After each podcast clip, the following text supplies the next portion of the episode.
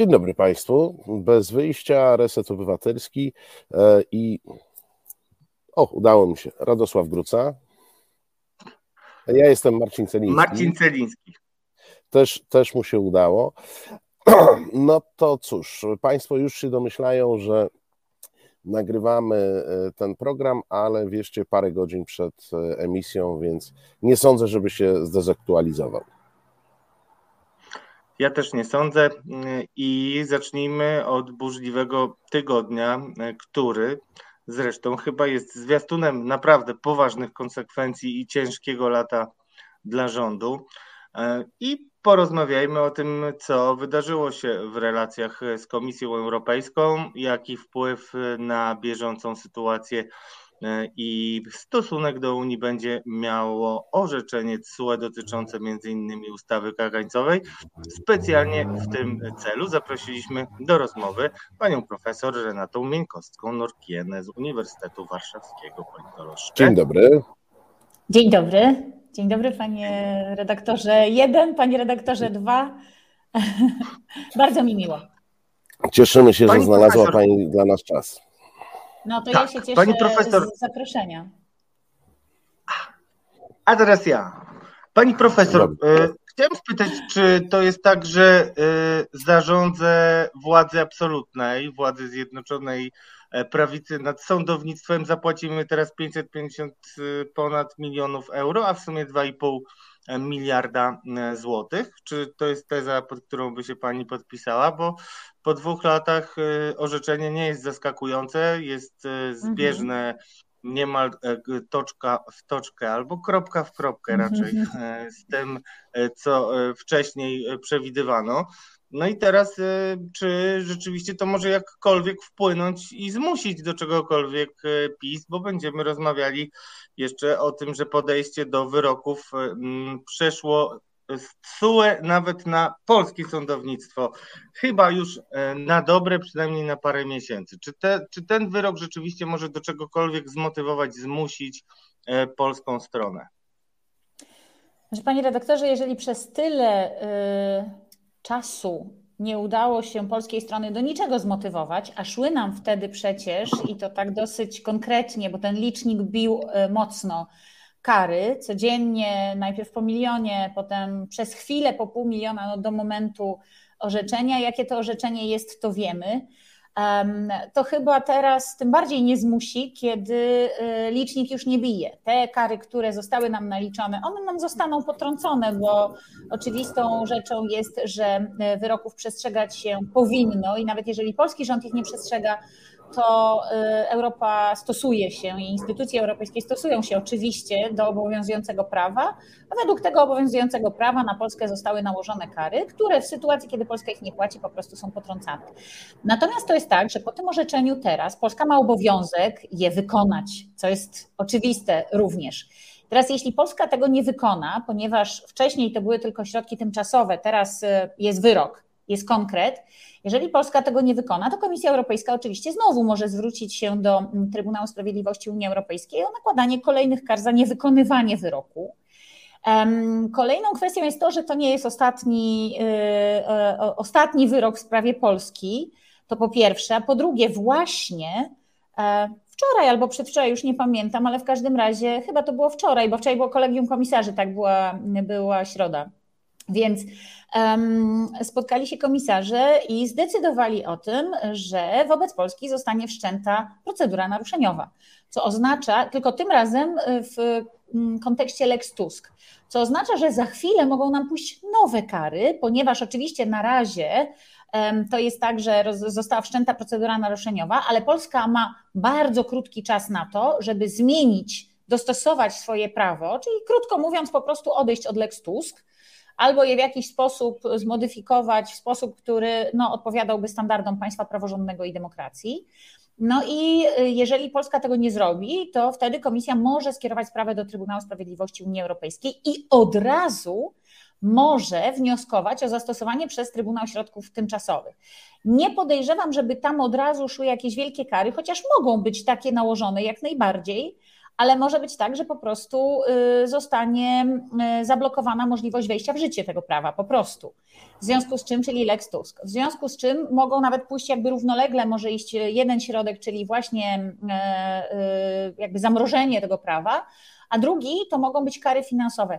Mało tego, te kary mogą być bardzo duże i bardzo dotkliwe, dlatego że no, to jest sprawa bardzo poważna i widać, że też przyspieszony, znaczy przyspieszony, to nie jest żaden szczególny tryb, po prostu bardzo szybkie procedowanie kwestii mm, akurat y, y, tego wniosku y, do, do Polski i tego, tej decyzji komisji, że jest naruszenie prawa i wszczęcie procedury naruszeniowej, to pokazuje, że rzeczywiście komisja widzi, że sprawa jest poważna. Ona jest poważna, no bo wiadomo, że mamy za cztery miesiące z hakiem wybory i y, to nie jest tak, że teraz instytucje Unii Europejskiej mogą sobie pozwolić na to, żeby, żeby swobodnie partia rządząca w tej chwili w Polsce decydowała o tym, kto może brać udział w wyborach, na jakich zasadach.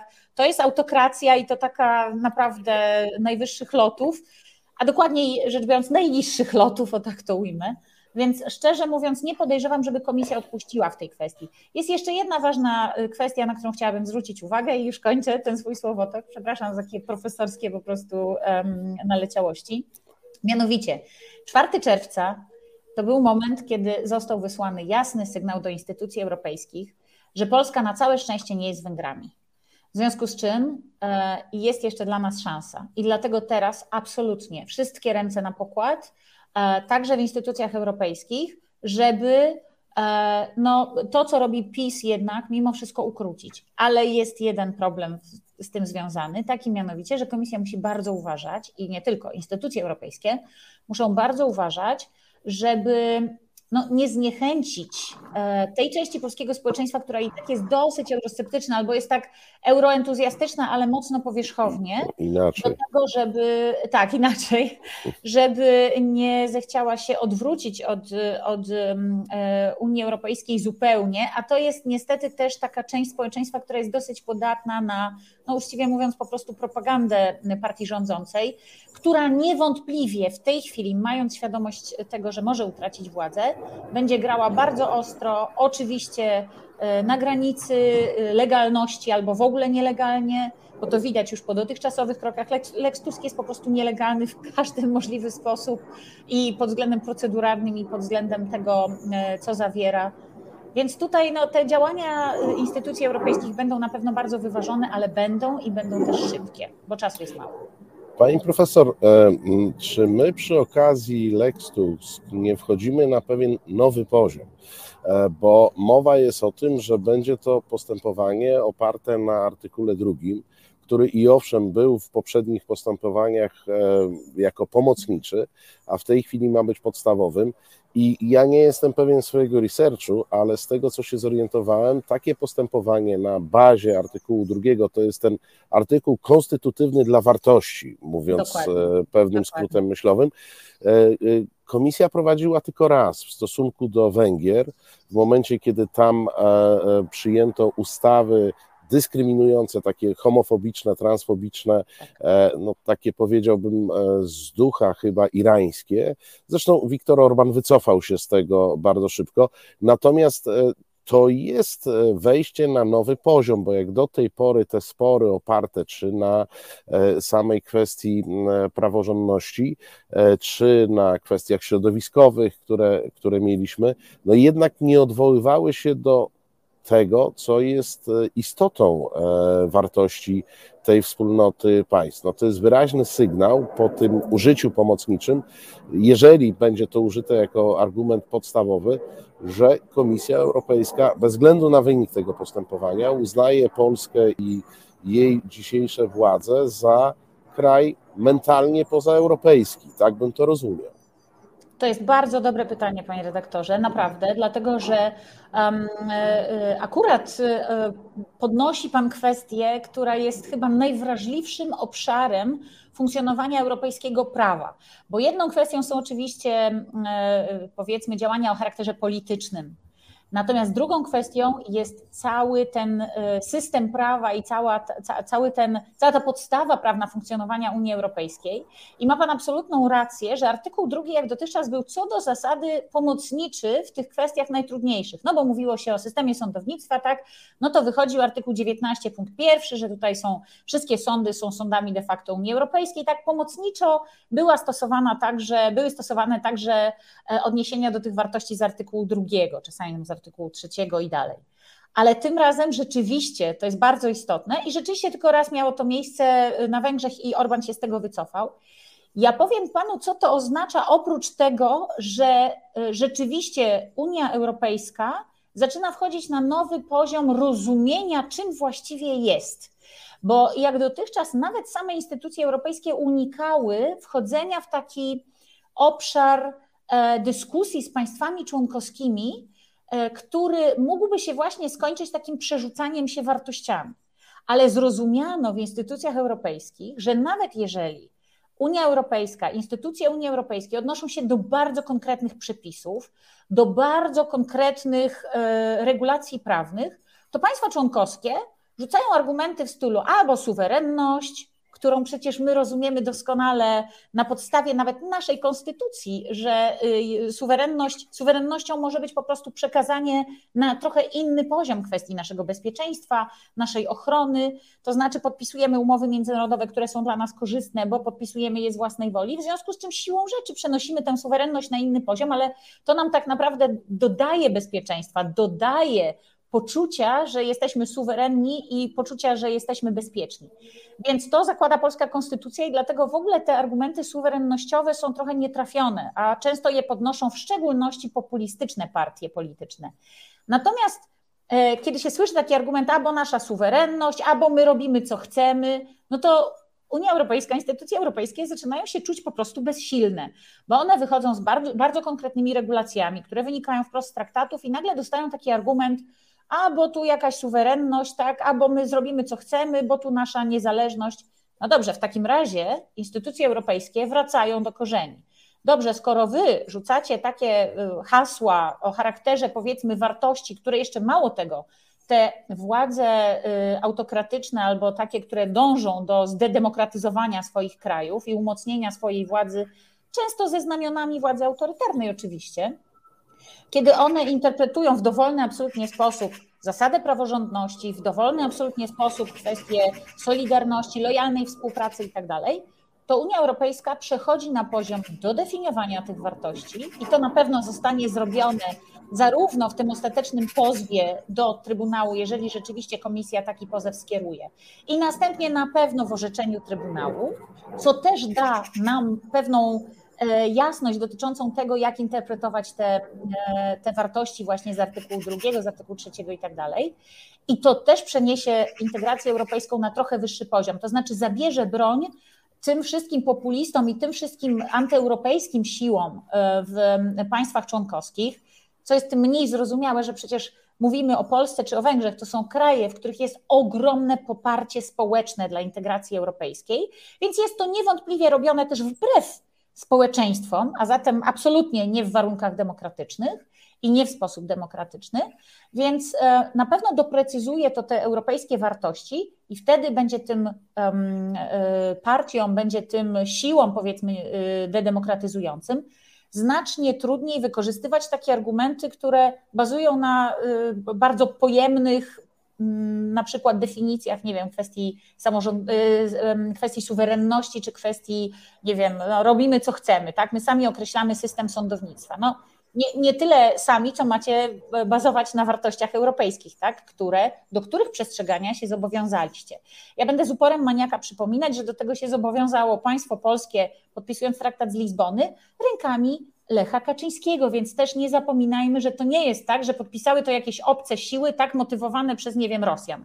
A jeżeli już Oj. ktoś tak będzie twierdził, to może pokażmy, kto, co to były za siły. Pani, tak, pani profesor, może, może podpisał, może nie podpisał, kamienie milowe o. podpisywał premier Morawiecki, może A, podpisał, może bardzo. nie podpisał. Tutaj mamy... E, dowolność interpretacji w zależności od tego, kto się wypowiada, ale jak pani mówi o tych e, sytuacjach tych siłach antyeuropejskich, populistycznych, to tak ładnie brzmi.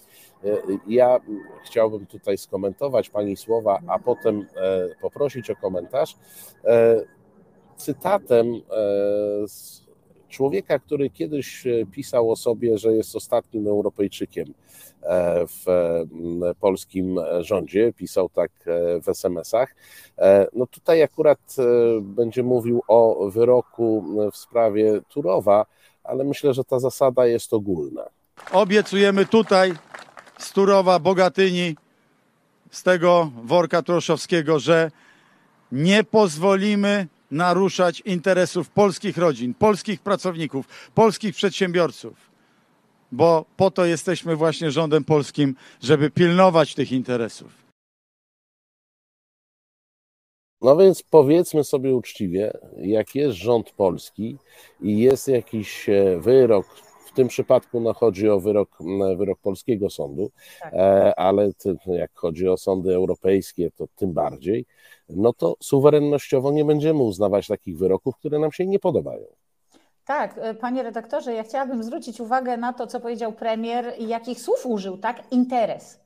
E, będziemy bronić interesów polskich rodzin, polskich, i tam się chyba wszystko by mogło zmieścić w ten interes, ale szczerze mówiąc, to e, proszę popatrzeć, premier polskiego rządu, który jest władzą wykonawczą, który powinien być kontrolowany i zależny od władzy ustawodawczej, Tymczasem my właśnie skończyliśmy duży projekt badawczy, który dotyczył tego, jak w Polsce parlament tak naprawdę przyklepuje to, co rodzi się w gabinetach e, Ziobry, Czarnka, no oczywiście e, premiera Morawieckiego też, zamiast być rzeczywistym parlamentem, w którym następuje jakaś dyskusja, debata i broni się rzeczywiście e, różnych grup w społeczeństwie, Tutaj to jest akurat wtórne, w zasadzie to tylko stawia się pieczątkę pod tym, co wymyślają w swoich gabinetach ministrowie.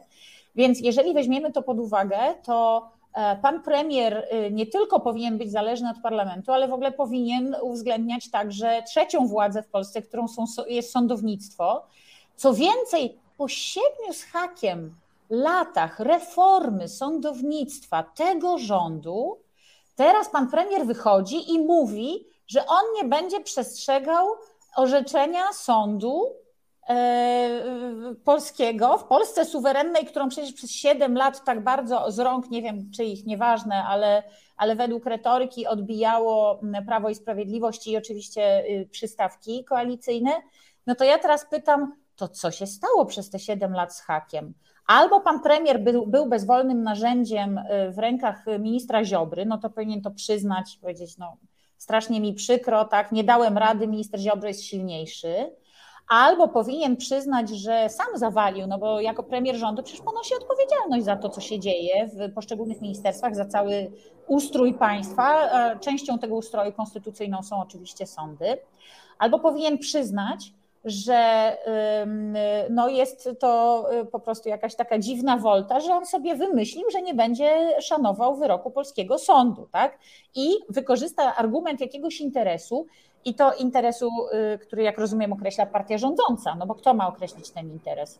Jaki to jest interes? Przepraszam, ale mój, moim interesem nie jest to, żeby y, nie przestrzegać tego orzeczenia. Ja jestem obywatelką Polski, i w związku z tym no, mojego interesu pan premier nie broni. Mam rodzinę, więc mojej rodziny też pan premier nie broni, więc y, no trochę nie wiem, jakiej, y, jakby kogo pan, pan premier będzie bronił, ale jeżeli chodzi o osoby czy o ludzi, którzy są w jakikolwiek sposób związani z Turowem, to pragnę przypomnieć tylko, że po pierwsze, były y, już wcześniej, zanim w ogóle kwestia Turowa się rozpoczęła, była możliwość dyskutowania z Czechami na ten temat której polski rząd nie wykorzystał. Potem, kiedy było już orzeczenie CUE przecież, była możliwość rozwiązania konfliktu, w której polski rząd się ewidentnie ociągał, chyba próbował to wykorzystać na, na nie wiem, na korzyść jakichś tam swoich y, interesów politycznych tutaj wewnątrz kraju, ale trudno to zrozumieć, dlatego że było wiadomo, czym to się skończy, między innymi karami narzuconymi przez CUE, nałożonymi przez CUE. No i kolejna kwestia to już po tym, jak ten konflikt został rozwiązany, można było spokojnie zapobiec po prostu katastrofie e, ekologicznej i nie tylko. Więc ja nie rozumiem, co ten rząd przez tyle czasu robił, ale sprawa się ciągnie od kilku lat. Więc naprawdę można było y, tej sytuacji zarządzić. Czasami w pewnych kwestiach ten rząd potrafi przez dwie godziny i 20 minut przeprocedować ustawę, która nagle zmienia połowę ustroju Rzeczypospolitej, a tutaj chodzi o kwestię jednej kopalni i jednego regionu w Polsce i do tego jeszcze bardzo istotnych negocjacji z Czechami, które były prowadzone, duży udział instytucji europejskich, które naprawdę robiły wszystko, żeby wspomóc w rozwiązaniu tego konfliktu obie strony. I nagle się okazuje, że y, nic się nie zadziało. I polski sąd wydał orzeczenie, i teraz pan premier wychodzi i mówi: A ja tego nie będę szanował. Mam gdzieś to, że, y, że zostało wydane orzeczenie. Przepraszam za ten kolokwializm i za trochę moje wzburzenie, ale to niestety tak jest, że w Polsce trójpodział władzy już po prostu w takiej sytuacji absolutnie nie obowiązuje. I to złamał go właśnie pan premier tymi swoimi wypowiedziami. No a wcześniej my wiemy, że też łamaniem konstytucji i wielokrotnie um, uchwalaniem ustaw i podpisywaniem ustaw przez rozmaite e, instytucje e, sygnowane przez e, tę partię rządzącą w tej chwili, czyli PiS E, trójpodział władzy był kwestionowany na poziomie nie tylko takim retorycznym czy wypowiedzi polityków, ale także na poziomie po prostu ustawodawczym. Więc szczerze mówiąc, to jest to odejście od demokracji, odejście od trójpodziału i żeby była jasność, nasi widzowie powinni rozumieć, że to nie jest jakaś abstrakcja, że bronienie Trybunału Konstytucyjnego czy bronienie na przykład zasady trójpodziału władzy to jest jakiś tam abstrakt i w sumie komu to przeszkadza, tak, że ktoś tam powie, nie szanuje wyroku sądu, mamy wolność, y, y, demokrację, swobody wypowiedzi, tak? Więc ja Państwu pragnę przypomnieć tylko, że dokładnie tak.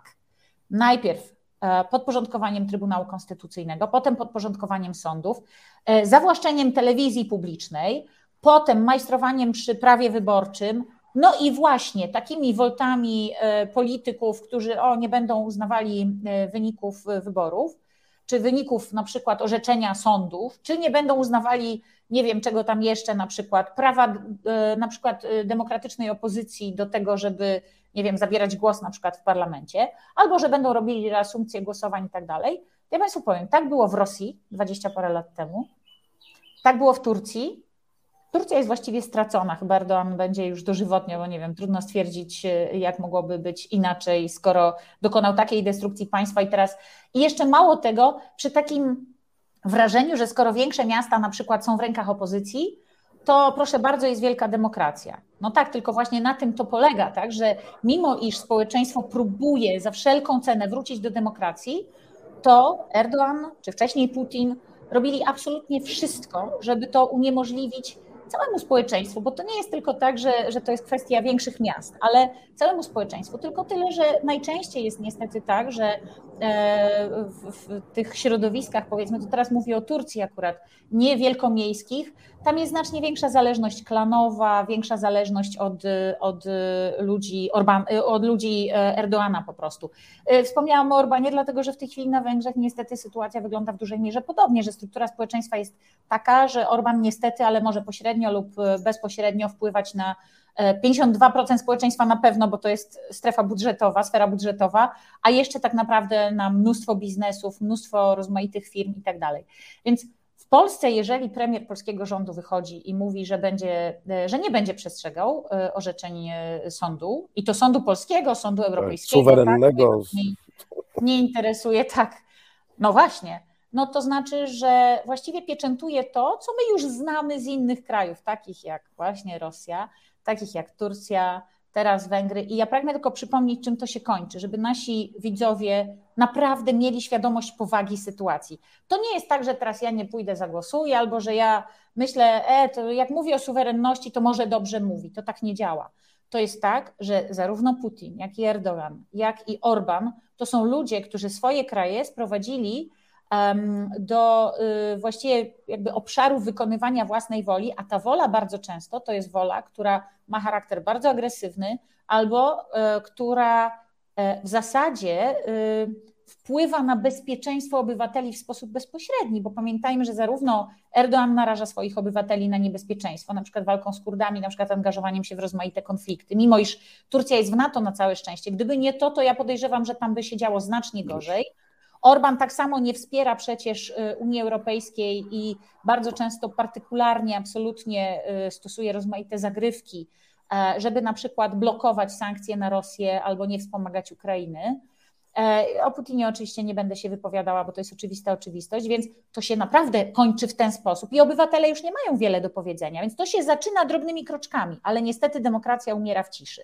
Więc ja bym e, naprawdę zachęcała wszystkich Państwa, którzy nas tutaj oglądają, do tego, żeby naprawdę mówili o tym, jak to się docelowo, czy to kwestia zawłaszczenia Trybunału Konstytucyjnego, czy takich właśnie wypowiedzi jak ta e, pana premiera, jak to się może skończyć bo to niestety, ale jak dotychczas w większości przypadków, nawet chyba we wszystkich przypadkach, e, prowadziło do autokratyzacji, a to zawsze prowadzi do narażania na niebezpieczeństwo własnych obywateli, a czasami także prowadzi po prostu do wojen albo do konfliktów o charakterze zbrojnym. Więc na wszelki wypadek lepiej dmuchać na zimne, a tutaj w tym przypadku to już jest gorące, to już nie jest nawet zimne.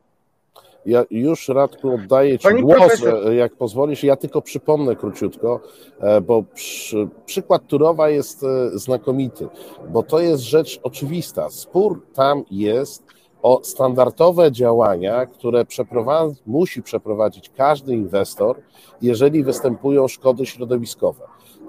No, no nic bardziej oczywistego. I od początku nie było najmniejszych wątpliwości, co powinno zostać e, wykonane i kto ma w tej sprawie rację. To znaczy tutaj angażowanie jakiegokolwiek sądu, choćby rejonowego, jest stratą publicznych pieniędzy, ponieważ rzecz jest oczywista. Tu nie ma sporu prawnego, nie było żadnego sporu prawnego, mieliśmy tylko e, i wyłącznie e, spór polegający na takiej staropolskiej zasadzie nie, bo nie. Bo nie będzie Czech nam w tym momencie pluł w twarz a Czech, jak wiadomo, to taki, to taki Niemiec. Spór był z punktu widzenia prawnego e, absolutnie absurdalny. Sporu nie było i nadal go nie ma. I nadal jest tak, że każdy inwestor w cywilizowanym kraju, bo to dotyczy nie tylko Europy, jeżeli przeprowadza, rozszerza kopalnię w tym momencie, jej obszar wydobycia, co powoduje skutki środowiskowe oczywiste w postaci obniżenia wód gruntowych, etc., etc., to po prostu musi e, wszystkich dookoła zapewnić im dostawę wody, bo to był podstawowy problem. I tak. zresztą ten worek turoszowski, o którym pan premier e, mówił, to jest najlepiej, e, jeśli chodzi o tereny takie małych miejscowości, to jest teren, na którym mamy największą sieć wodociągową, największą sieć kanalizacyjną dzięki temu, że tam są kopalnie i po prostu e, te miejscowości nie istniałyby, gdyby nie miały e, tej, tej sieci i tej dostawy. To tylko taki trend, myśmy nieraz o Turowie tutaj mówili, ale ja przypominam, że to jest naprawdę spór, którego nie ma. Już Radku, przepraszam. Nie ma za to, a ja pozwolę sobie zauważyć, że mm, też wrzuciła Pani trochę w dyskusję mm, kwestię reakcji na 4 czerwca i na marsz, mhm. który no, trudno, żeby nie zrobił wrażenia. Natomiast y, są dwa sygnały zupełnie inne mm, z Parlamentu Europejskiego i też inaczej będą odbierane w Polsce. Pierwszy to jest no, w, też związany na pewno z Lex Tusk list, który mm, szefowie największych frakcji w Parlamencie Europejskim skierowali do OBWE w związku z takim wnioskiem o tym, e, żeby mm, zrobić obserwację wyborów, no bo Lex Tusk tak. jest traktowany jako próba eliminacji niewygodnych ludzi, ale z drugiej strony z drugiej mhm. strony jest jeszcze jedna rzecz, która moim zdaniem zaraz się mocno rozkręci, bo Beata Szydło, była premier, uderza na Twitterze i wrzuca temat, który już w 2015 roku mm, przyniósł dużo emocji i chyba też był jednym ze źródeł zwycięstwa. Chodzi mi o temat e, kar za mm, brak przyjmowania uchodźców. To jest też e, takie podsumowanie trochę, mm, może nie podsumowanie, ale na końcówce prezydencji Szwecja e, popiera taki pomysł, tak wskazuje Beata Szydło i stara się odwrócić uwagę od tego, mm, co się dzieje, jeśli chodzi o Lex Tusk i od SUE. E, jak wiemy, to Beata Szydło będzie bardziej słyszalna dzięki temu, że no PiS ma przewagę medialną ewidentną. No i też pytanie, czy to w ogóle może się jakkolwiek y, no, sprawdzić w obecnej sytuacji, bo trochę to wygląda jednak na panikę. Nie, to się nie sprawdzi w obecnej sytuacji. To znaczy, wydaje mi się, że to jest jeden z tych głosów, które testują tematy, które może chwycą, żeby trochę odsunąć uwagę w tej chwili opinii publicznej od tego wszystkiego, co działo się w poprzednim tygodniu przed marszem i co teraz gdzieś tam e, po marszu też rezonuje. No i od nowych oczywiście wydarzeń, które gdzieś tam są w pewien sposób e, z tym związane. Bo um, kwestia uchodźców to mogłaby być kwestia, która byłaby z jakiegoś powodu istotna, gdyby nie to, że w tej chwili to nie jest główne źródło e, problemów Polaków. To znaczy, są wyniki w tej chwili ostatnich badań, to są wyniki badań Eurobarometru z poniedziałku, tego e, e, ostatniego. Są wyniki badań opinii publicznej w Polsce dotyczące poparcia dla partii politycznych. I okazuje się, że tamtego tematu uchodźców prawie nie ma. I to nie dlatego, że on nie jest ważny. On oczywiście może zarezonować, bo wiadomo, że dowolny temat może ta partia rozdmuchać i próbować go przedstawiać gdzieś tam w swoich mediach. Ale ja pragnę tylko podkreślić, że po pierwsze, to przez ten tydzień przed marszem, a potem w trakcie marszu i zaraz po marszu, telewizja publiczna tak wiele razy się kompromitowała i to było to szczerze mówiąc, to nawet osoby, które co do zasady oglądają telewizję publiczną i nawet nie mają dostępu do innych um, telewizji, powiedzmy, nawet te osoby mają jednak często dostęp do internetu, albo ich dzieci mają dostęp do internetu i one się o marszu dowiadywały, a potem e, patrzyły na to, jak wygląda to w, e, w, samym, w samej telewizji publicznej i trochę nie dowierzały temu, co widziły, temu, co widziały. Ja mogę Panom powiedzieć, że według wyników badań dotyczących właśnie rezonowania w internecie, akurat kwestii marszu i tego, co po marszu, to mamy 220 milionów wejść na informacje dotyczące marszu. Z czego jak policzono tych wejść nie tylko z tych podstawowych baniek osób zaangażowanych w marsz, było gdzieś z jedną, z jedna czwarta. To jest bardzo dużo. To oznacza, że, do, e, że, że e, gdzieś tam z 50 parę e, milionów wejść, zakładając, że to też, no przecież z zagranicy też sporo osób wchodziło i tak dalej, to powiedzmy niech to będzie 20 milionów, no my musimy dokonywać jakiejś estymacji to były osoby, które nie były w ogóle z baniek okołomarszowych, tylko to były osoby zupełnie z zewnątrz. Więc można zakładać, że w jakiejś części to były osoby, które po prostu e, e, normalnie nie są po prostu, jakby nie popierają partii opozycyjnych, nie były zaangażowane w marsz. I szczerze mówiąc, to ja nawet wiem z takich e, źródeł gdzieś tam facebookowych i tak dalej. Moja bańka jest bardzo szeroka, ja pochodzę z głębokiej wsi w północno-wschodniej Polsce, więc e, ja mogę powiedzieć, że tam mam dosyć sporą, powiedzmy, e, liczbę znajomych, którzy e, są fanami PiSu albo partii te, tego typu. Oczywiście tam też Kościół katolicki ma bardzo duże wpływy i tak dalej. I nawet oni pytali mnie o co chodzi, dlaczego, jak to w ogóle wyglądało, czy to naprawdę było pół miliona ludzi, więc jest jednak jakieś poruszenie w społeczeństwie i telewizja publiczna moim zdaniem właśnie taką, taką siermiężną propagandą zaczyna robić sobie naprawdę krzywdę. W tym sensie może nie krzywdę, ale po prostu nie rozumie jeszcze partia rządząca, że doszła do momentu, w którym to już po prostu nie zadziała. A z całą pewnością nie zadziała na żaden nowy elektorat, ani też, co ciekawe, nie działa już mobilizująco na ten stary, dlatego że na ten betonowy elektorat, dlatego że betonowy elektorat w zasadzie to chyba zostanie zmobilizowany najlepiej tym, że to będzie dzień papieski albo coś tam przed dniem papieskim, to jest dzień wyborów. Pojadą do kościoła, później pójdą głosować. To jest w sumie coś, czym Prawo i Sprawiedliwość y, y, zagrało pewnie no, gdzieś tam w taki sposób najbardziej efektywny. Natomiast chociaż jest to oczywiście, jak wiemy, mocno nielegalne i, i, y, i, tego się nie robi po prostu, przed wyborami się nie zmienia w taki sposób e, krajobrazu wyborczego, no ale 15 października mają prawo do tego, żeby, żeby wybrać datę, ok, niech wybierają. Natomiast nie sądzę, żeby tego typu tematy bez czegoś wokół tego rezonowały rzeczywiście tak, jak się PiSowi wydaje. To znaczy, no musiałoby być znowu jakaś afera związana z Łukaszenką, z kolejną falą uchodźców. Natomiast to, co się dzieje już w tej chwili wokół tego, to raczej działa odwrotnie. To znaczy, coraz więcej jest y, takich y, wiadomości, które pokazują, że tam giną ludzie, na przykład w lasach, że przyjęliśmy przecież wielu Ukraińców, tak. To podejście do Ukraińców już teraz zaczyna się powoli zmieniać, więc to też nie jest tak jednoznacznie hura, więc no, trzeba będzie tym jakoś zarządzić. Jeżeli tym ten rząd nie zarządzi, to znowuż to może zadziałać niekorzystnie na rząd, bo może opozycja powiedzieć, nie zarządziliście tym efektywnie. Tak? My byśmy to zrobili lepiej, my mamy pomysł, żeby to zrobić lepiej, ale wszystkie ręce na pokład, bo przecież mamy wojnę. Tak? Więc tutaj się może pojawić bardzo dużo różnych kwestii, no ale rząd będzie miał zagwozdkę taką retoryczną, tak? narracyjną.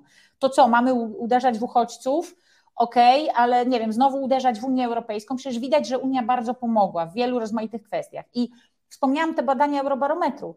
E, te poniedziałkowe badania pokazują, że Polacy w bardzo dużej liczbie bardzo chwalą Unię Europejską za zarządzanie przede wszystkim kwestią właśnie bezpieczeństwa w kontekście e, ataku Rosji na Ukrainę. Polacy to bardzo doceniają. Mniej na przykład w ogóle doceniają kwestie związane z ochroną środowiska, Dlatego, że po pierwsze ten rząd to ustawił gdzieś tam e, w, w, taki sposób też narracyjnie, że ta ochrona środowiska temu akurat tej opcji politycznej rządzącej w Polsce nie jest szczególnie bliska, więc też e, spora część Polaków po prostu nie uważa tego za priorytet. To jest jedna rzecz, a druga rzecz, osoby starsze, a w Polsce niestety ten e, ta, ta, linia powiedzmy dzieląca popierających PiS i niepopierających nie idzie wzdłuż, nie wiem, wieś miasto albo jakiegokolwiek innego kryterium, głównie to jest kwestia wieku. I to zresztą też się wiąże z powiedzmy kwestią katolicyzmu i tak dalej.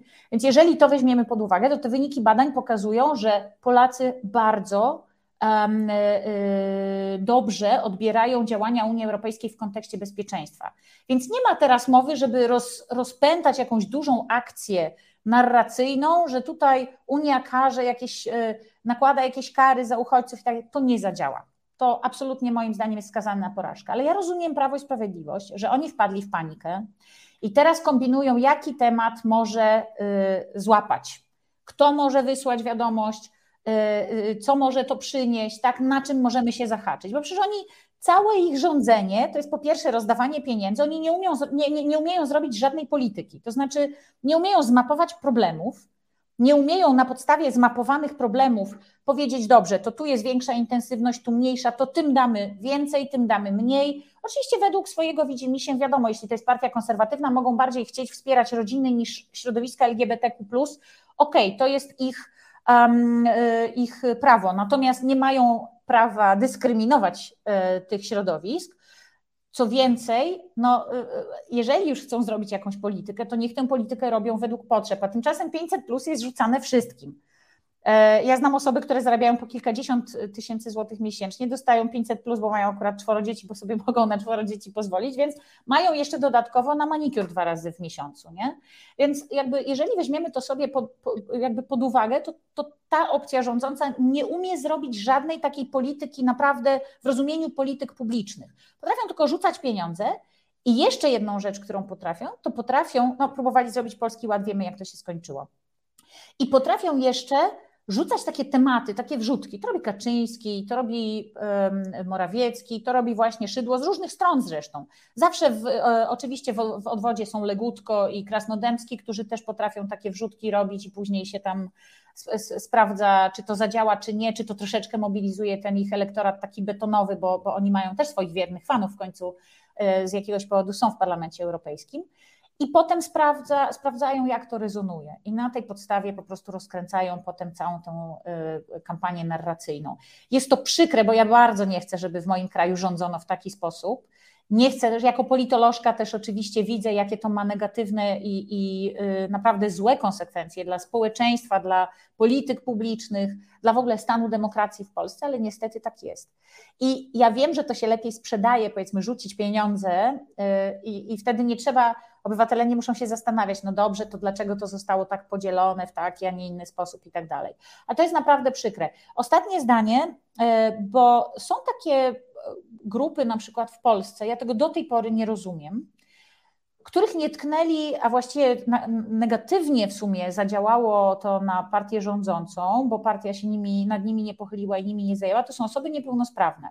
Ja nie wiem, czy partia rządząca nie ma pomysłu, czy może z ich wyników wychodzi, że to jednak jest jakiś taki elektorat trochę, trochę za mało istotny, ale na przykład dlaczego nie robią tego partie opozycyjne, to nie rozumiem, bo osób niepełnosprawnych i ich rodzin i osób, które w jakiś sposób są dotknięte tym, jest w Polsce prawie 4 miliony.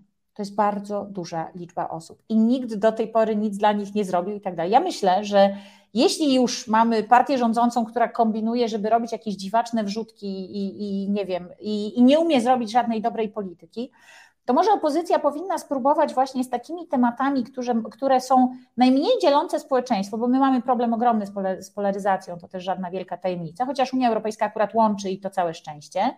I dlatego nie sądzę, żeby Beata Szydło odniosła jakiś wielki sukces z tą swoją narracją. Mało tego, moim zdaniem, nawet betonowego elektoratu nie zmobilizuje, bo dla nich ten temat może być po prostu już nudny. Jest tyle ciekawszych tematów, że po prostu naprawdę nie jest to coś, co chwyci. Natomiast moim zdaniem coś, co po opozycyjnej stronie byłoby świetnym, jakby takim budulcem tego pojednania i pokazałoby, że ta, y, że, że opozycja i mało tego zjednoczona, bo oni mogą wokół tego tematu się zjednoczyć y, jak najlepiej, to jest zajęcie się osobami niepełnosprawnymi i pewnie też psychiatrią młodzieży, bo to jest coś, co też jest takim tematem, który gdzieś tam może łączyć. Więc ja teraz oczekuję na jakieś konkretne propozycje ze strony opozycyjnej, ponieważ wiem, że są takie tematy, których lepiej nie dotykać, a, a mamy cztery miesiące do wyborów. To na przykład ja, gdybym doradzała opozycji, to bym doradzała właśnie kwestii osób niepełnosprawnych i psychiatrii dziecięcej, która notabene, to jest też wynik tego badania Eurobarometru z poniedziałku, e, kwestia ochrony zdrowia to jest też coś, za co Polacy bardziej niż inni Europejczycy na przykład doceniają Unię Europejską. I tam między innymi jest psychiatria dziecięca, onkologia, no i oczywiście wszystko, co było związane z COVID-em i po COVID-zie, tak? Więc skoro mamy społeczeństwo, które ma tyle pieczeni można upiec na jednym ogniu, no ale nie widzę na razie, żeby opozycja się jakoś strasznie garnęła do tego, no może potrzebują jeszcze trochę czasu.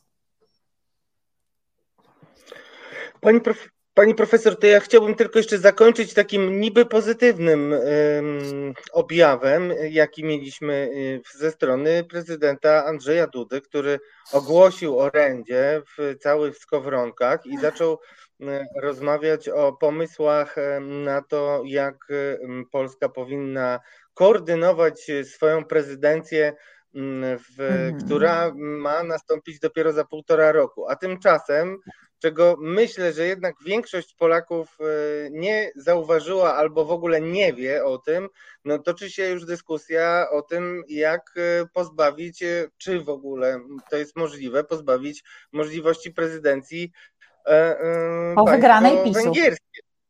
Tak, nie, ale, tak, ale i o Polsce o... też. Tak. Właśnie. Tak. I no i chciałem, bo nikt nie widzi tego kontekstu. Myśli pani, że to jest e, dość istotne, bo ja oczywiście ironizuję, mm -hmm. bo prezydent e, Jasne. nagle wyskakuje z tematem, nie wiedząc z kim będzie rządził, jak i czy w ogóle, nie wiem, nie będzie jakiejś mm -hmm. formy e, Trybunału Stanu w stosunku do niego. Więc oczywiście znam terminarz, ale no chciałbym, żeby pani powiedziała, czy to w ogóle jakkolwiek rezonuje w Unii Europejskiej E, czy no jest to też, e, no w jaki sposób to, czy to w ogóle się przebiło i jak można to odczytywać? Tak, panie redaktorze, zacznę od tego, że w ogóle kwestii koordynacji e, polityk unijnych w państwach członkowskich poświęciłam parę publikacji i połowę życia, a kwestią prezydencji pewnie z jedną czwartą życia i dwie duże publikacje też. E, ponieważ analizowałam, co się zmieniło, e, zwłaszcza po traktacie z Lizbony. I zacznę od tego, że to, co mówi pan prezydent Andrzej Duda, to jest duża samowolka, ponieważ mamy coś takiego, co się nazywa triem prezydencji. I nasze trio prezydencji, zarówno poprzednie, jak i to kolejne, będzie z Cyprem i Danią. I teraz, jeżeli pan prezydent Rzeczypospolitej Polskiej dzisiaj wychodzi i on mówi, czego to on nie zrobi w 2025 roku podczas polskiej prezydencji, to oznacza po pierwsze, że w ogóle ma gdzieś co na to Dania i Cypr, a tak być nie powinno. Jako prezydent liczącego się państwa w Unii Europejskiej, on powinien te kwestie najpierw skonsultować z Danią i z Cyprem, tym bardziej, że to nie jest pierwszy jego wyskok, jeśli chodzi o prezydencję. Już wystąpili przecież z premierem Morawieckim, co tam, jakież to priorytety oni tutaj określają, oczywiście Ukraina i tak dalej. No, delikatnie rzecz ujmując, takie rzeczy się uzgadnia. Od tego zacznijmy. Po drugie, ma Pan absolutną rację, że nie tylko dyskutuje się o tym, żeby Węgry na przykład nie sprawowały prezydencji, ale też dyskutuje się i to nie dlatego, że. Um, że sobie wymyśliły instytucje europejskie, że tutaj jak wygra PiS, to teraz my ich tam czegoś pozbawimy. Tylko dlatego, że Prawo i Sprawiedliwość wysyła bardzo wyraźne sygnały, że zarówno to, co e, zamierzają zrobić po wyborach w kontekście krajowym, jak i te europejskie, powiedzmy, kwestie, czyli niewykonywanie wyroków i tak dalej. To zresztą, co pan, y, do czego pan Marcin Celiński też nawiązał, czyli niestosowanie y, po prostu, czy nie, nie, nieuznawanie wartości europejskich, to jest coś, co nas wyklucza ze wspólnoty europejskiej, tym bardziej wyklucza nas ze współdecydowania o tym, w którym kierunku ona ma iść. To jest chyba bardziej niż oczywiste. Poza tym pamiętajmy, my o tym czasami zapominamy jeszcze, że wobec nas jest co prawda zawieszona chwilowo, nikt się tym nie interesuje, ale to może wrócić. Procedura z artykułu 7, podobnie jak zresztą wobec Węgier. Tak? To jest taka procedura, która może w każdej chwili wrócić. Natomiast Pan mnie pyta, czy to rezonuje. Tak, to znaczy to, jest, to, to nie jest coś, czym się ekscytuje, nie wiem, polskie społeczeństwo albo społeczeństwa państw europejskich. Natomiast to jest bardzo istotna kwestia, która może w którymś momencie się po prostu pojawić. Mało tego, ona się może pojawić w momencie, wybranym przez którąś, powiedzmy, z, ze stron. To znaczy, to, może być, to mogą być instytucje europejskie, które w którymś tam momencie powiedzą: Słuchajcie, nie ma mowy o tym, żebyście sprawowali prezydencję. Pytanie, kiedy to może zostać podniesione, albo może to zostać wykorzystane przez opozycję, albo no, może to być eksploatowane, tak jak teraz, przez opcję rządzącą. Myślę, że opcja rządząca, y, czy prezydent Andrzej Duda, ponieważ Chyba PiS nie jest przeszczęśliwy z tego tytułu, że y, prezydent Duda zaproponował E, modyfikację Lex Tusk, więc chyba on teraz musi być jednym z tych, którzy tam robią te wrzutki klasyczne, żeby zobaczyć, co na to społeczeństwo i czym to się skończy i co będzie dalej. I jedną z tych wrzutek jest właśnie te, to orędzie. Przecież pamiętajmy, to jest, to jest chyba trzecie w ciągu tam, nie wiem, paru dni czy, czy tygodnia, nie wiem, no bo jedno było, do, dotyczyło właśnie tych kwestii chyba Lex, Lex Tusk, no nieważne, on w każdym razie co chwilę coś tłumaczy. Więc, a najczęściej siebie i swoje jakieś tam decyzje, które, które I, są niezrozumiałe. I umówmy się, więc... że za każdym tłumaczeniem rozumiemy coraz mniej. Oczywiście, dokładnie tak. Więc te kwestie koordynacji, przede wszystkim pan prezydent mówił o tym, że ma zamiar stworzyć coś, czy zainicjować coś, co już jest. Tylko super byłoby, gdyby Prawo i Sprawiedliwość się tego po prostu trzymało, gdyby przestrzegało prawa, które w Polsce już obowiązuje. Ponieważ tego nie robi, to teraz pan prezydent wyskakuje z przepraszam za kolokwializm, to trochę tak to wyglądało, jak Filip Skonopi z nowym pomysłem, który dotyczy współpracy między rządem, przecież ustawy dotyczące koordynacji polityk unijnych w Polsce, one już są. Wystarczy ich tylko przestrzegać, wystarczy współpracować. Problemem jest to, że to się po prostu nie dzieje. Dlaczego?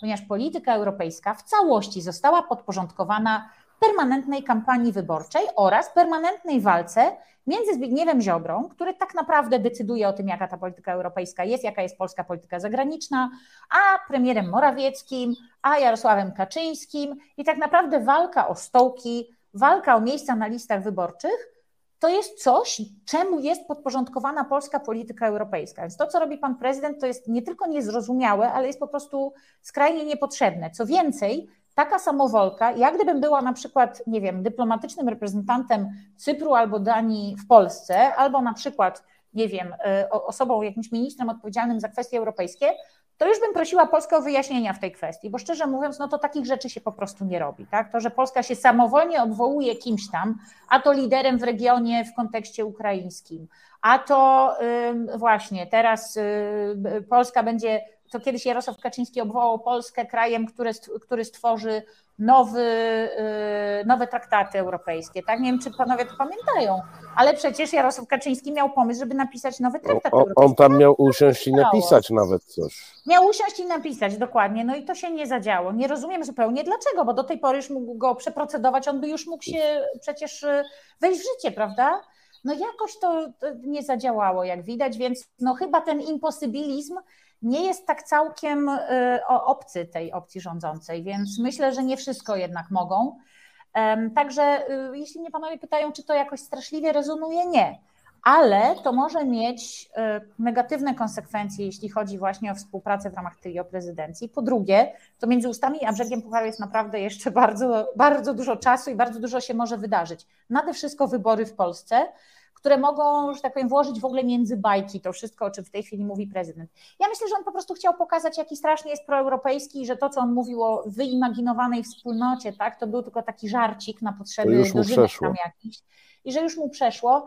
No ale my wiemy, że po pierwsze to, żeby uwierzyć w czyjeś słowa, może powinniśmy uważać tę osobę za wiarygodną, tak? Przynajmniej ja tak mam, nie wiem jak mają Państwo.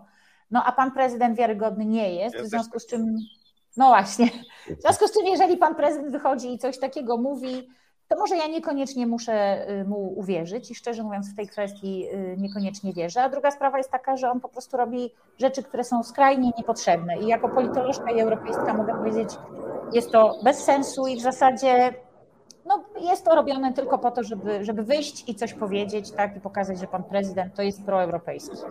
Ale tak jak mówię, nie, nie wiem, co to miało zdziałać też. Czy to miało. No, oni no właśnie, pani, pani profesor. Sprawiedliwości, że oni są proeuropejscy też, ich elektorat też. Więc może chodzi o to, żeby ten elektorat z jednej strony w ten sposób ugłaskać, z drugiej strony i jakby odciągnąć też od takiego pomysłu, żeby może uwierzy, żeby ten elektorat uwierzył, że ta partia jest antyeuropejska, więc może lepiej na nią nie głosować, bo jeszcze coś głupiego zrobią tak po, po wybraniu ich ponownie. Pani, pani, pani, profesor, a to właśnie czy to tylko, bo faktycznie jak się słucha pana prezydenta, to on najczęściej długo mówi, e, po wyciśnięciu niewiele z tego e, wynika. E, oczywiście wiara w to, że tam istnieje w tej chwili w PiSie jakiś, e, czy w Zjednoczonej Prawicy, jakbyśmy nie nazwali, jakiś skoordynowany ośrodek przekazów, to mam wrażenie, że to chyba już przeszłość i, i oczywiście jest grupa reagująca grzecznie na SMS-y, czytamy treści tych SMS-ów na Twitterze najczęściej, bo oni mają tak, tak ma, mało inwencji mają, mało inwencji mają, żeby jakoś tam trochę zróżnicować e, te, te treści. No ale ja sobie rysuję ten obraz w ten sposób. W zasadzie mhm. tego samego dnia mamy bardzo ostre antyeuropejskie wypowiedzi Mateusza Morawieckiego. To by wskazywało, że próbuje Mateusz Morawiecki jakoś neutralizować tą inność Solidarnej Polski, taką zdecydowaną, suwerennej, przepraszam, e, bo oni z Solidarnej już się, następni wybili się na niepodległość i A mają to pan suwerenną. sugeruje, że on wspiera Ziobrę w ten sposób? E, nie, ja sugeruję, nie że on chce pokazać, że on chce pokazać, że nie tylko Ziobro jest twardzielem w tej sprawie. Okay. Więc pan premier Morawiecki też się pokazuje jako, jako twardziel E, w walce o, o, nasze suwerenne interesy, a z drugiej strony no, wyskakuje faktycznie jak Filip Skonopi, pan prezydent, który raptem wygłasza jakiś plan, jak to on się cieszył przy referendum europejskim i jak on kocha tę e, Unię Europejską. No, układa się to w pewien e, obraz, może nie całkiem skoordynowanej, ale jednak gry, gdzie pan prezydent zwraca się do tych wyborców Zjednoczonej Prawicy, którzy baliby się ziobrowego podejścia do Unii Europejskiej, a z drugiej strony no ten projekt, o którym Pani wspomniała, e, przesuwający te kompetencje, wprowadzający kontrasygnatę prezydencką do kolejnych e, kompetencji, on tak umiarkowanie pasuje do tej konstrukcji, gdzie my jednak jesteśmy zgodnie z konstytucją parlamentarno-gabinetowi i tutaj mhm. E, odmawianie premierowi, no to premier jest jednak pierwszym E, mhm. przedstawicielem. Tu jest jakaś próba zmiany, być może pod kątem tego, że to środowisko zdaje sobie sprawę, że premier że nie zawsze.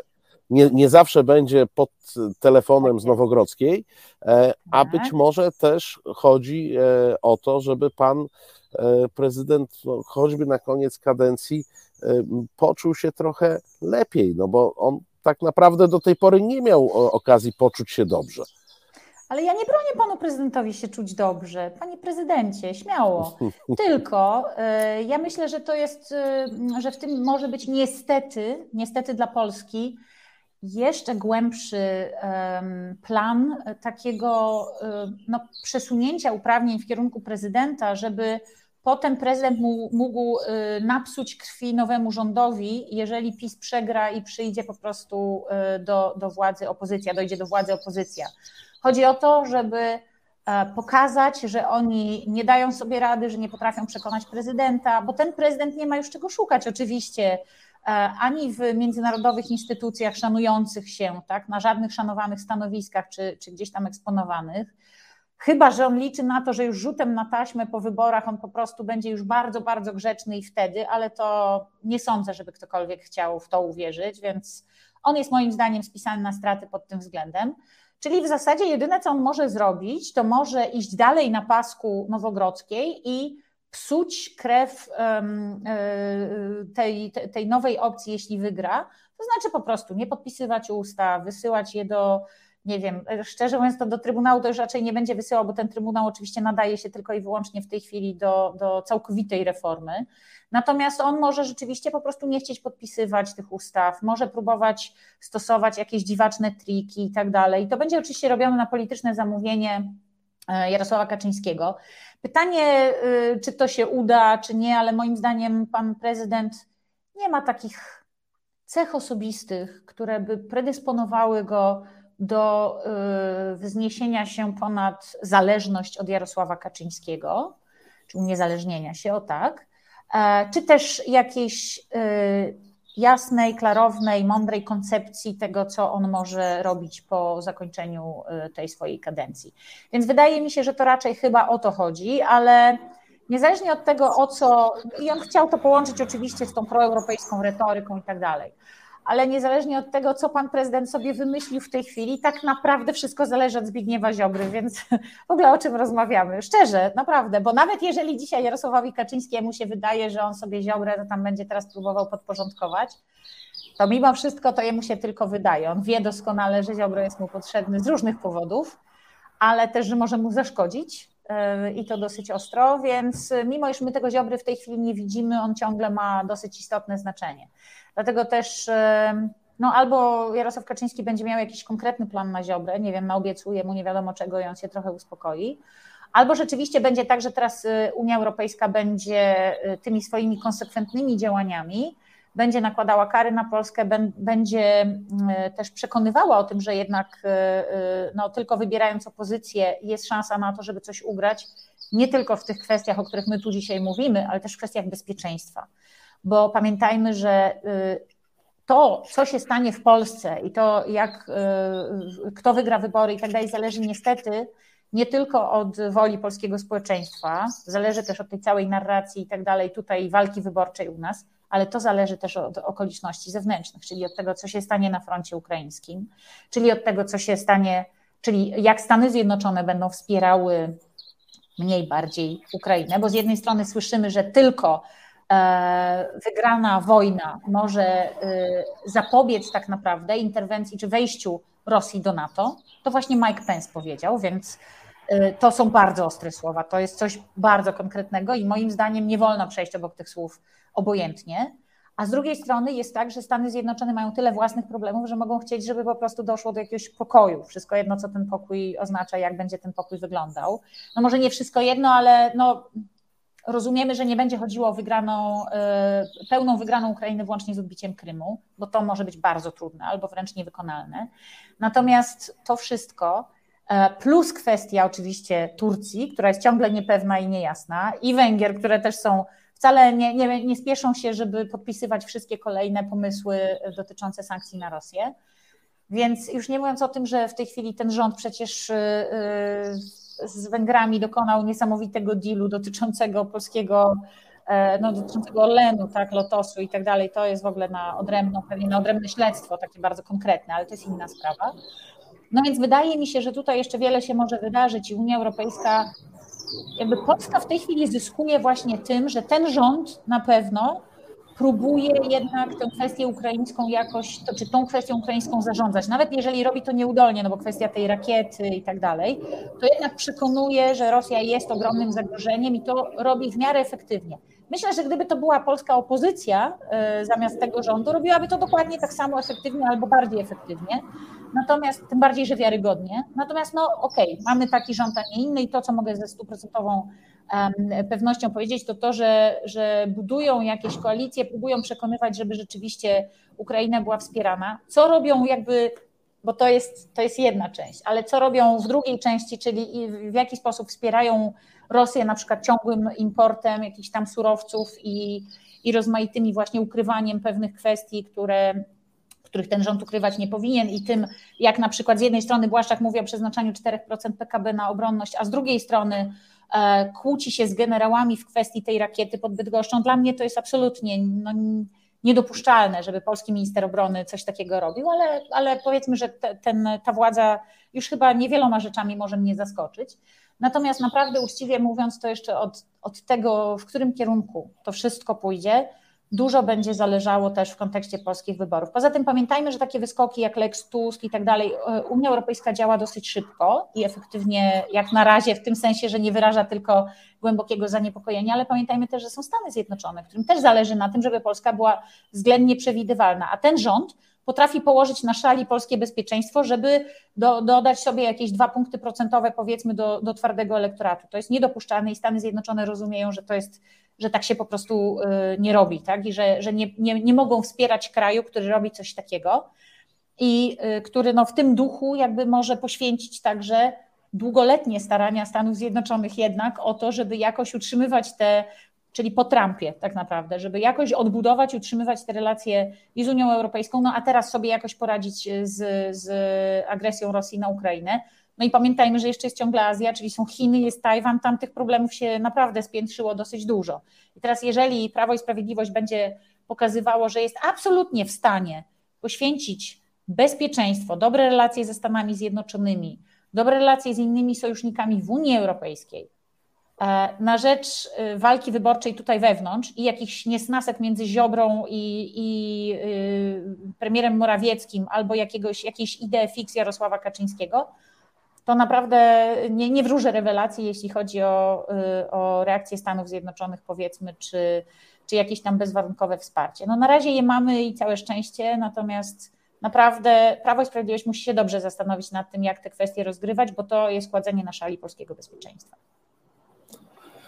Pani profesor, no cóż, e, e, bardzo dziękujemy za tę dzisiejszą rozmowę. Dziękuję. Chyba z niej wniosek jest tylko jeden. No, jeżeli chcemy być suwerenni, to musimy coś zmienić, jeśli tak chodzi, o, jeśli chodzi o władzę. E, naszą gościnią była pani profesor Renata Minkowska-Norkiene. Bardzo dziękujemy, że znalazła pani czas i Dziękuję miłego weekendu. Dziękuję bardzo, dziękuję. dziękuję i naprawdę wielki podziw, bo robią panowie świetną robotę. Dziękujemy pięknie, do zobaczenia, dziękuję. do następnego razu. Do widzenia. Radku, to co? W tej chwili chyba damy sobie i Państwu chwilę e, muzycznego oddechu, ale Państwo nigdzie nie uciekajcie. My jeszcze na weekend e, nie uciekamy. Już za moment e, wracamy, wracamy, wrócimy na pewno też do euroentuzjazmu, euroentuzjazmu prezydenta Dudy, bo uważam, że to jest temat na tyle ciekawy, że należałoby o nim szerzej porozmawiać. Słuchasz Resetu Obywatelskiego. No i wróciliśmy. Radku jest. Marcin Celiński. Radosław Gruca za pierwszym Udało razem. się. E, no to Radku, może pokażmy tak w skrócie, bo to jest, uważam, zróbmy tak, marketingowo to trzeba zrobić. To jest, proszę Państwa, sukces naszego programu. Otóż e, wierzę, że w wyniku oglądania regularnego naszego programu e, przybył nam nowy zwolennik Unii Europejskiej, człowiek, który e, zerwał z eurosceptycznymi tekstami i jest teraz no nie ostatnim Europejczykiem e, w rządzie, ale być może ostatnim Europejczykiem e, w PiSie. Drodzy rodacy, szanowni państwo. Dokładnie 20 lat temu odbyło się referendum w sprawie przystąpienia Polski do Unii Europejskiej. Podobnie jak miliony Polaków, wziąłem wówczas udział w referendum i głosowałem za. Z perspektywy czasu widać wyraźnie, jak dobrą decyzją było wejście Polski do Unii. Członkostwo we wspólnocie przyniosło nam wzrost gospodarczy, pozwoliło na otwarcie granic oraz wzmocniło nasze bezpieczeństwo w wielu wymiarach. Przez te lata pokazaliśmy też, że znakomicie radzimy sobie w Unii Europejskiej, że dobrze wykorzystaliśmy ten czas, że osiągnęliśmy sukces. Szybszy rozwój naszego kraju, liczne inwestycje, znakomite wykorzystanie funduszy europejskich to tylko niektóre z naszych osiągnięć. Uwierzyłbyś? Ja się wzruszyłem, Marcinie. Prostu. A, a, y, no, ale to. Mi głos. No ale. E, zastanawiam się, wiesz, już tak zupełnie e, poważnie. Rozmawialiśmy o tym trochę z panią profesor przed, e, przed chwilą. Jeżeli tam gdzieś, no bo jednak jakiś zamysł w tej kancelarii prezydenta jest, ktoś te teksty pisze, ktoś wymyśla, że jest trzecie mm, orędzie w, w ciągu dwóch tygodni, czy niespełna dwóch tygodni, e, do kogo pan prezydent mówił? Do PiSu pan prezydent głównie mówił. Znaczy, właśnie y, ja bym jednak gwoli ścisłości powiedział, że wprawdzie wystąpienia prezydenta są takie orędziopodobne wszystkie w zamierzeniu, ale orędzie realnie było jedne, miało być wielką niespodzianką.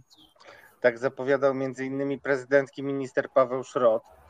E, ale jeśli pytasz mnie poważnie, to najpierw e, mówił do PiSu, gdzie tak wszystkie moje źródła twierdzą, no jego wstępne poparcie było odbierane jako chęć e, do zgłoszenia się jako ewentualny sukcesor Jarosława Kaczyńskiego. I nieważne jak no bardzo no byśmy oceniali wilgotność tych marzeń. No nie, naprawdę, to, to jest dość istotne. No, to w ogóle jest taki niestety przykład, y, to ja teraz insiderską taką trochę wiedzę sprzedam, to jest trochę taki przykład mm, zresztą nie e, właściwy tylko jednej stronie politycznego sporu, bo jednak w dużej mierze no, nie da się ukryć, że prezydent jest jakiś taki pobudzony dziwnie i tutaj nic nie sugeruje, ale takie pobudzenie u niego y, zwiastuje, albo nie zwiastuje, tylko jest następstwem tego, że bierze go w obroty spin doktor. I wtedy, no, jak taki spin doktor jest jeszcze na y, full time, y, pełnoetatowo zatrudniony, to jeszcze to jakoś może utrzymać. Ale Marcin Mastalerek jest tak, tylko przypadkiem przechodzi koło Pałacu Prezydenckiego, bo jest zaangażowany w ekstraklasie. Ostatnio widziałem, jak z tureczkami wszedł na boisko Legii i wręczał e, e, medale za wicemistrzostwo, co też mogło mm, wyglądać na taki ewentualny happening, e, który fajnie by wyglądał na plakatach i w reklamówkach wyborczych. To nie była dygresja. No i też y, widać wyraźnie, że prezydent został nakręcony, a teraz y, próbuje się odkręcić. No i koniec końców wpada w korkociąg, bym powiedział taki. I dobrze się to raczej nie skończy. Ale tylko jeszcze tak, żebyś miał jasność, co ja mam na myśli, jeśli chodzi o taki efekt spin doktorski.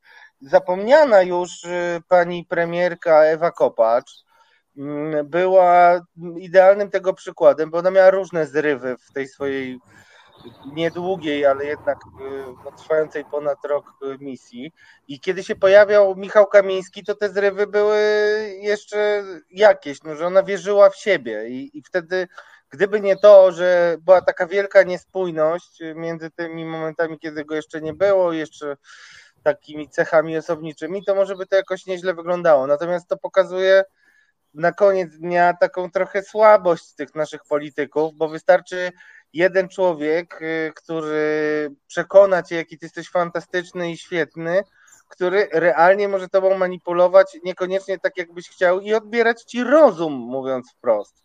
Nie wiem, czy to nie zbyt zawiłe, ale y, tak bym tłumaczył te dziwne. Ale myślę, myślę że to jest bardzo ludzki mechanizm i dotyczy nie tylko nie. polityków. No, no, e, e, jest bardzo pośród nas, tak, ludzi jest, jest e, bardzo dużo sposobów na to, żeby wykorzystując czyjeś e, znajomość, czyjejś psychiki, taką nawet dosyć bazową, e, no właśnie manipulować w ten sposób, że wbijasz kogoś w to, że jest najfajniejszy, najładniejszy, że może jakieś góry przenieść, że może zrobić wielkie rzeczy.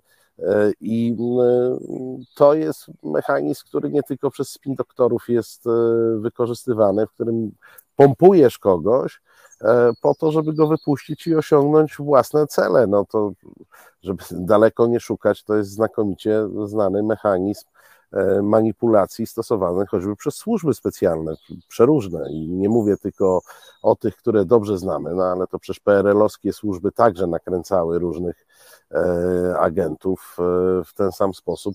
Więc mechanizm jest ludzki, natomiast e, to, co mm, polityk jednak każdy powinien mieć, to od czasu do czasu złapanie kontaktu z ziemią. bo jak mi mówisz o następstwie,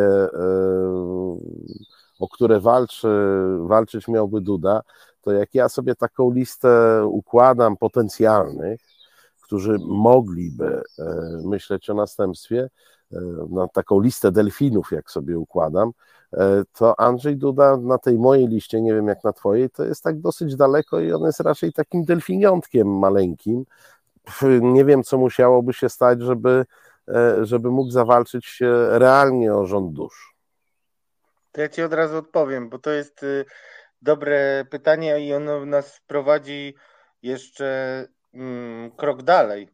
Bo ja mam już takie wrażenie i, chcę to wrzucić w dyskusję generalnie i zachęcam Cię, żebyś też ją budował, że mamy teraz sytuację, gdzie już Jarosław Kaczyński jest tylko hologramem, jest tylko pewną ideą. On realnie nie decyduje o bardzo wielu rzeczach. Nie wiem, czy on sobie zdaje z tego sprawę, czy sobie nie zdaje sprawy, to w ogóle nie ma znaczenia. Ale y, ewidentne jest to, że większość przeważająca rzeczy, na których różnym politykom istotnym zależy, dzieje się poza jego w ogóle świadomością. I teraz e, mm, on jeszcze mm, no, jest dość biegły w tym w budowaniu względnego spokoju w PiSie y, metodą mówiąc wprost, szczucia na siebie jednych na drugich i tam tutaj komuś zabierzemy, tutaj komuś damy, potem przerzucamy. No on to robił całe lata. Ale y, to, co jest ważniejsze, to to, że ta grupa polityków, wśród których mm, będzie się szukać grupy, która przejmie tą skedę, już się przyzwyczaiła do takiego hologramu. Rozumiesz?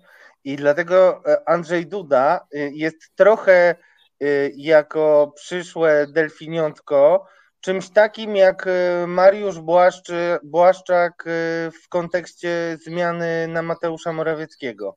Że to nie jest, wiadomo, że po pierwsze Mariusz Błaszczak, jakby to słabo nie brzmiało w stosunku do ministra obrony, prochu nie wymyśli, ale po drugie każdy, jak z nim rozmawiam, to y, mówi, że no wiesz, bo z Mariuszem to się idzie dogadać, co realnie znaczy Mariusza można, można zrobić z Mariuszem. Nie, ja, to, ja rozumiem zjawisko o, zjawisko, o którym mówisz. No, przy samym Błaszczaku to nie odmówię sobie, wiesz, prochu to on nie wymyśli, ale kupi w Korei na kredyt. E, wiesz, to, to, to potrafi. E, ja rozumiem, że czasami jest e, e fenomen e, polityka, który po prostu nikomu nie przeszkadza. E, żeby się odnieść, no takim fenomenem była kariera Bronisława Komorowskiego zawsze. No, nigdy nie miał ani szczególnego poparcia, ani w swojej frakcji, ani też nie wyróżniał się niczym politycznie, ale w pewnych momentach e, no, był tym fajnym facetem, który nikomu za bardzo nie przeszkadzał, w związku z czym można było na niego postawić. Tylko, że z drugiej strony, no tak politologicznie, to wiemy, czym to się kończy no takie przywództwo nie kończy się e, dobrze. No ja już nie wspomnę o e, choćby w partiach opozycyjnych różnych przywódcach, których mieliśmy, poniekąd z tego samego, e, z tego samego powodu, że nie szkodzili za bardzo. No i oni jakby nie popychali spraw swoich formacji do przodu. No, oszczędzam czynnych polityków, tak? No, Bronisław Komorowski jest postacią historyczną e, w tym momencie, więc tutaj oszczędzam tych czynnych polityków. Tylko, że to by była bardzo dobra wiadomość dla demokratycznej Polski, gdyby Andrzej Duda miał szansę na przywództwo Zjednoczonej Prawicy, bo to by oznaczało wielkie osłabienie tej formacji. Myślę, że no, trudno z tym w ogóle polemizować. No dobrze, wróćmy do e, tematów europejskich. Czy jesteś ciekaw, co tam w naszych ulubionych gazetkach? Jestem ciekaw, ale to ja jeszcze mam propozycję naprawdę, yy, yy, żebyśmy przeszli do polexitowców, jeśli pozwolisz. A no, no tak, zgłoś, zgłoś polexitowca. E, no to ja nie będę taki bardzo agresywny bo czuję, że masz mocną kandydaturę. Ja się wahałem, ale jednak warto utrzymywać nasz program y, y, na pozycji trendsettera. A myślę, że będzie jednak ten przekaz Beaty mm, Szydło mocno trendował. I myślę, że to jest y, coś, To, no, w przyszłym tygodniu na pewno będziemy oglądać. A chodzi mi oczywiście o jej tweeta. Tak, teraz będę cytował. Tak, to nie jest absurdalny żart. Komisja Europejska domaga się obowiązkowego przyjmowania przez kraje Unii tysięcy migrantów z Afryki i Azji, napisała była premier Beata Szydło i, i dodała, że kto odmówi ma płacić po 22 tysiące euro za każdego nieprzyjętego migranta. I tutaj e, to, co jest istotne i to, e, czego już nie kontrowałem e, w rozmowie z panią profesor Renatą Minkowską-Norkienę, to, to jest to, że budują swoją retorykę antyunijną z jednej strony wyciągając wątek, który nie jest no teraz najbardziej palący, ale jednak cały czas gdzieś na południowych granicach istnieje i nakładając go na e, to, że Polska w ciągu półtora roku przyjęła ponad 2 miliony uchodźców z Ukrainy. No i jak wiemy, wsparcie dla tych uchodźców nie jest na tak wysokim poziomie, jakby mogło być, ale to nie jest w tym wypadku akurat jakaś wielka niechęć Unii Europejskiej, tylko no, w moim przekonaniu cyniczna gra, bo wiele rzeczy, które można było załatwić w instytucjach unijnych, albo zostało w ogóle niepodjętych, albo w następstwie tego, jak rząd traktuje wszystkie instytucje unijne generalnie, od Parlamentu Europejskiego, którego chyba najszczerzej nienawidzi, przez Komisję Europejską, aż pod SUE, którego wyrok teraz będzie y, starał się bagatelizować, no co nie pozwala na, na, na załatwianie czegokolwiek. Ale to jest moja kandydatka, bo y, mi się wydaje, że ona będzie pełniła też funkcję takiego koła ratunkowego y, dla PiSu, a na pewno wobec jeszcze tego, co się wydarzyło wobec marszu i w tygodniu go poprzedzającym, mianowicie, że PiS, mimo że on straszył, władze PiSu straszyły własnych posłów, że obowiązkowo mają zamieszczać ten chory klip z Auschwitz motywem, to oni tego nie robili. I, Mało tego, niektórzy no to... nawet publicznie się dystansowali od tego. Tak, a to jest, i to, ale to wiesz, to, to, że się dystansowali, no to tam incydentalnie, wiesz, raz w roku to nawet strzelba na ścianie wystrzeli, ale tutaj y, nie tylko incydentalnie, ale to, co podkreślam i to, co chciałbym, żeby też nasza ukochana wycinająca fragmenty wycięła, to to, że było to zrobione, mimo że był jasny prikaz. Macie wszystko udostępniać. Wcześniej, to, to jest zresztą taka no jednak nowa jakość, bo wcześniej to było tak dość lajtowo, natomiast e, tak się już paliło e, w PiSowi przed marszem chyba i też wskutek e, sondaży, które potem potwierdzono w Kantarze, bo to, co też warto powiedzieć, no to to, że mocno przeraża ich jednak nieudany spin dotyczący tarczy, która chroni przed podwyżkami prądu, bo jest taki dość mocny spin. E, ale już nie odchodząc od tego, Beata Szydło, moja kandydatka, e, no, ja a tylko, w każdym ja razie dodam, bardzo zaznaczam. E, ja tylko dodam trochę wbrew sobie, ale na poparcie tej twojej kandydatury. To, co mówi Beata Szydło merytorycznie, jest no nie ma nic bardziej antyeuropejskiego, bo ona oczywiście patuje uchodźcami, licząc na to, że w Polsce to zagra, natomiast o czym ona mówi? Ona mówi o tym, że państwa członkowskie Unii Europejskiej nie mogą koordynować swojej polityki uchodźczej, tylko powinny podejmować te decyzje e, samodzielnie, a przynajmniej Polska powinna samodzielnie e, podejmować te decyzje i jednocześnie rozbija spójność europejską, która E, no, powinna e, na logikę opierać się na tym, że jeżeli Europa Południowa ma, e, i to mówię o problemie nie tym, którego najbardziej się boi pani Szydło, że tam jacyś muzułmanie nas przechrzczą wszystkich na swoją wiarę i tym podobne, tylko to jest problem realny, choćby ekonomiczny. Uchodźcy, którzy lądują we Włoszech, w Grecji, E, w Hiszpanii, e, to powinniśmy być solidarni po to, żeby później Włochy i Hiszpania i Grecja były solidarne w momencie, kiedy mamy kryzys uchodźczy na własnej e, granicy, a jednocześnie wprowadzenie czynnika finansowego wydaje się być dosyć logicznym, bo jeżeli już nie przyjmujesz tych uchodźców, no to dorzuć się do tego, żeby takie Włochy nie miały katastrofy finansowej związanej z tym, że jednak tych ludzi należy E, przyjąć i przynajmniej w, pierwszym okresie e, w pierwszym okresie e, utrzymać. To jest szalenie antywspólnotowe. To znaczy, nie ma nic bardziej antywspólnotowego niż podważanie tego, że pewnych kwestiach, choćby w kwestiach humanitarnych, powinniśmy mieć wspólną politykę i ewentualnie wesprzeć tych, którzy ją realizują w praktyce gdzieś tam na Sycylii czy, czy na Wyspach Greckich. Natomiast ja zrobimy pojedynek premierów e, z tego wynika, bo ja jednak upierałbym się, że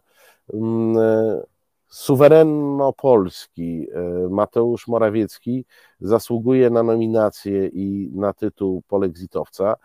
Ja w rozmowie z panią profesor przypomniałem te, te SMS-y, ostatni Europejczyk. W kontekście polskim to cały kompleks jego wypowiedzi z ostatnich dwóch dni chyba e, na temat e, e, orzeczeń i wyroków, to bardzo mi przypomina jedną scenę z samych swoich. Pamiętasz, jak Pawlak jechał do sądu, oczywiście sądzić się z Kargulem, to matka Pawlaka wyszła do niego i mu wręczała granaty i on mówi tak, oj mamo, no po co? Sąd sądem, sprawiedliwość musi być po naszej stronie. To jest, e, to było wykpiwane e, w tym filmie. E, ta zaciekłość, to właśnie nieuznawanie jakichkolwiek decyzji, które w sposób realny czy nierealny, ważne są emocje, byłyby sprzeczne z moim pomysłem. Pan premier Morawiecki zachowuje się dokładnie tak samo, to znaczy on mówi: jesteśmy suwerenni, w związku z czym sąd sądem, ale jeżeli sprawiedliwość nie jest po naszej stronie, to my jej nie przyjmiemy do wiadomości. No i tu tylko czekałem, kiedy z kieszeni marynarki e, wyciągnie granat e, ten Pawlakowy, e, żeby go użyć. Natomiast obserwujemy czasami to, tę retorykę różnych umiarkowanie proeuropejskich e, formacji e, w innych krajach e, Unii. I powiem Ci tak, że ja widzę jedną zasadniczą różnicę. Tam z zasady ani premier, ani prezydent, ani nikt z, żadnej z takiej ścisłej czołówki nie występują z antyeuropejskimi tezami. Oczywiście oni podsycają to, e, tą e, retorykę, mają tam swoich Januszów Kowalskich, którzy są takimi gończymi e, wysyłanymi na odcinek i, on, i ich rolą jest chlapnąć coś takiego, że nie będziemy patrzeć na te sądy. Ci, którzy piastują najwyższe stanowiska państwowe, raczej tego unikają i nie wchodzą. No, Polska jest krajem, w którym w zasadzie żadna godność, żadna, e, e, żadna funkcja najwyższa, nawet państwowa, nie skłania do tego, e, żeby, mm, żeby nie robić z siebie idioty. No niestety idiotę z siebie, to, to jest takie poczucie obowiązku wśród nich, że należy z siebie robić idiotę, po, ponieważ e, jesteśmy suwerenni. Dlatego, proszę Państwa, e, Mateusz Morawiecki E, nasz Bambik e, ukochany, nasz e, Kowideusz, nasz Kłameusz, to jest mój kandydat na polexitowca tego tygodnia. Pojedynek premierów mamy. I to jest bardzo, i to jest bardzo dobry, i znaczy bardzo mocny kandydat na pewno. Natomiast ja jeszcze pozwolę sobie puścić trochę wodze wyobraźni, bo sobie uświadomiłem jeszcze jedną rzecz, ponieważ jak czy jak cytowałem tego tweeta Beaty Szydło, to moim źródłem było TVP Info, ale e, tam rzuciło mi się w oczy... Poproszę o inne źródło, cytując Bambika. ale rzuciło mi się w oczy, że ona napisała Beata Szydło. Radku, Radku? No nie mów tylko, że cię przycięło. W tym momencie. Z, no, działalności w czasie, mm, e, w czasie no, pracy w tabloidach, to to, że powyżej pewnej kwoty ludzie już nie rozróżniają i być może e, poziom tej kwoty, powyżej której się nie rozróżnia, to jest też bliski 100 tysięcy dla niektórych, dla innych milion, czyli że nieważne, czy jest tam już e, e, parę milionów, czy paręnaście milionów, czy paręset milionów, to już jest taka liczba nie do ogarnięcia, bym powiedział, przez zwykłych ludzi.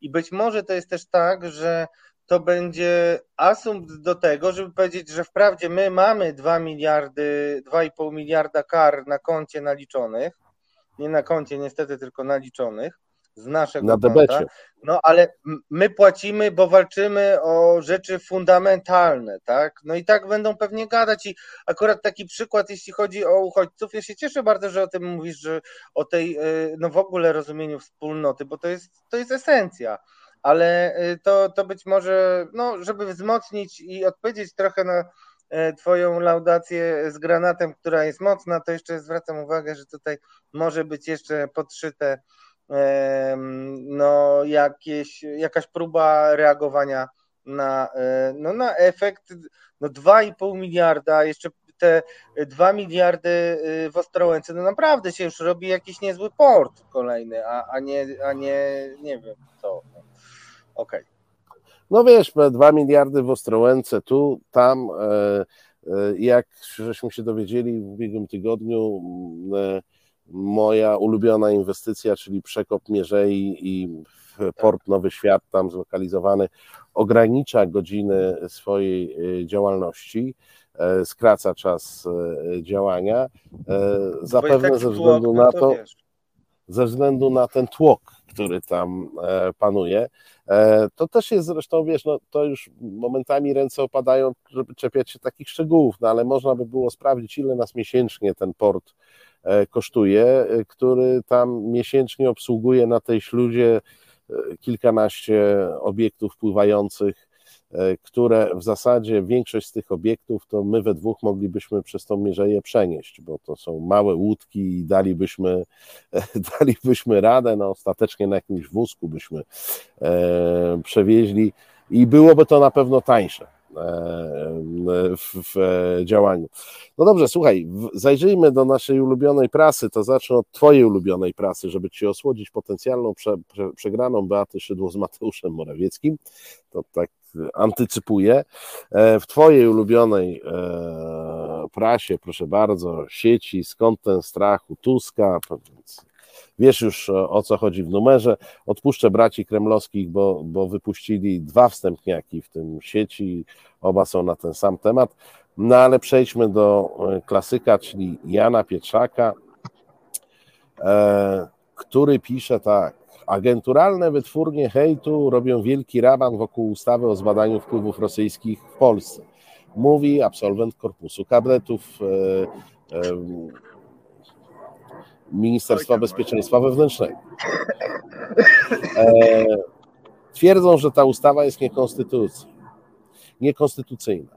I uważaj, tutaj przygotuj się na rakiety ruskie z, z, z każdej strony a likwidacja polskich garnizonów na wschód od Wisły była konstytucyjna?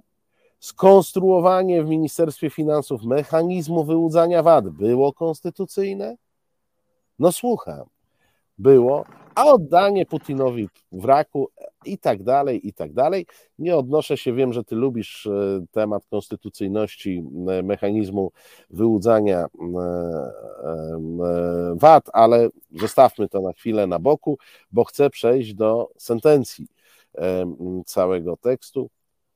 Ponieważ zbliżają się wybory, państwo musi zrobić wszystko, państwo musi zrobić wszystko, by o ich wyniku nie decydowali Niemcy czy Rosjanie Wyobrażacie sobie rząd w Warszawie ustawiony przez Scholza i Putina? Mamy w tej sprawie fatalne doświadczenia historyczne. Wie o tym Europejski Komisariat Centralny, którego ulubionym zajęciem jest systematyczne okrawanie polskiej suwerenności. Ledwo prezydent podpisał ustawę, wiesz o której mówię, czyli Lex Tusk, natychmiast komisarz Reinders oświadczył, nawet nie znając jej treści, że zamierza w tej sprawie interweniować. typowy bezczelny eurokrata, który uważa, że może cenzurować wybranego przez naród prezydenta. Zatem, mój drogi, e, państwo, ja zwracam uwagę, bo to jest sposób myślenia, państwo, nie PiS, czyli ukochana partia pana Pietrzaka, która go żywi i broni, tylko państwo mu, musi zrobić wszystko, żeby PiS utrzymał władzę. Żeby nam żaden komisarz Reinders e, nie mówił, e, co mamy, e, co mamy robić. Krążyliśmy wokół tego tematu i, i głównego bohatera do tej pory, bo mój drogi, bracia kremlowscy znaczy, nasz program bez jakiegoś ich wywiadu byłby programem absolutnie straconym i bezwartościowym. Zgadnij, z kim rozmawiają. Rzucę ci podpowiedź Auschwitz, Auschwitz, Auschwitz. Z Tomaszem Porębą. Z Tomaszem Porębą. No, oczywiście pomijam wszystkie teksty, jak to są zjednoczeni i tak dalej. E, gdzieś tam wróbelki ćwierkają, że e, posada pana Poręby jako kierującego kampanią jest pod jakimś znakiem zapytania, ale jest też duży front murem za porębą. E, jak się domyślasz, bracia kremlowscy są murem e, za porębą. E, no i wkraczają też w nasze ulubione tematy europejskie. Pytanie brzmi, jak wiadomo u kremlowskich zawsze czytam pytania, pytania bo, bo one są najlepsze. W kampanii opozycji mamy ulicę. Wyraźnie wchodzi też za granicę. Zaskoczyło to pana? O, od wielu lat jestem posłem do Parlamentu Europejskiego, obserwuję to z bliska i szczerze mówiąc, zero zdziwień. Polska opozycja i jej media są bardzo zblatowane z ośrodkami zewnętrznymi. W Brukseli Platforma Obywatelska de facto mówi głosem niemieckim, jest też forpocztą niemiecką w Polsce. Zgadza się na wszystkie kary bezprawnie nakładane na Polskę, nawet zachęca do kolejnych akceptuje łamanie traktatów europejskich, nie ma problemu z szaleńczym żądaniem wyłączenia kopalni. Wiemy, że to jest fake, nikt nie żąda wyłączenia kopalni, to chodzi o rozbudowę, e, ale pan Poręba tego nie wie. E, to ja tylko szybko, szybko dopowiadam. A w ślad za tym elektrowni w Turowie godzi się na wszystkie szaleństwa ideologiczne. Atakowała obrońców granic, była za przymusową relokacją imigrantów. Jest jasne, co nam chcą zgotować, po co wrócił to Donald Tusk? To jest operacja, która ma doprowadzić do zmiany władzy w Polsce i Komisja Europejska nawet się z tym nie kryje. Teraz z Brukseli, pytanie, teraz z Brukseli dochodzą pomruki o karach za powołanie Komisji do spraw badania wpływów rosyjskich w latach 2007-2020. We Francji, w Niemczech i innych krajach wpływy rosyjskie można badać, rozmawiać o tym, podejmować kontrakcje, a w Polsce nie. To jest cały czas ta sama retoryka, a Niemcy wybierają sędziów tak, a ktoś tam wybiera e, sędziów tak. To są podwójne standardy. Polacy zasługują na to, by wiedzieć, jak w rzeczywistości, opierając się na twardych faktach i dokumentach, wyglądała polityka rządu Tuska wobec Rosji a to może ty mi wytłumaczysz, 2000, 2007, 2020 to była polityka Tuska w tych latach? Radek się tak zadumał, że aż się, e, że aż się zaczął, zatem nie będę oczekiwał od niego odpowiedzi. Mam nadzieję, że e, do nas e, wróci. Jestem, nie, nie wiem, nie, nie, nie wiem za bardzo, być może tutaj jakieś już prądy.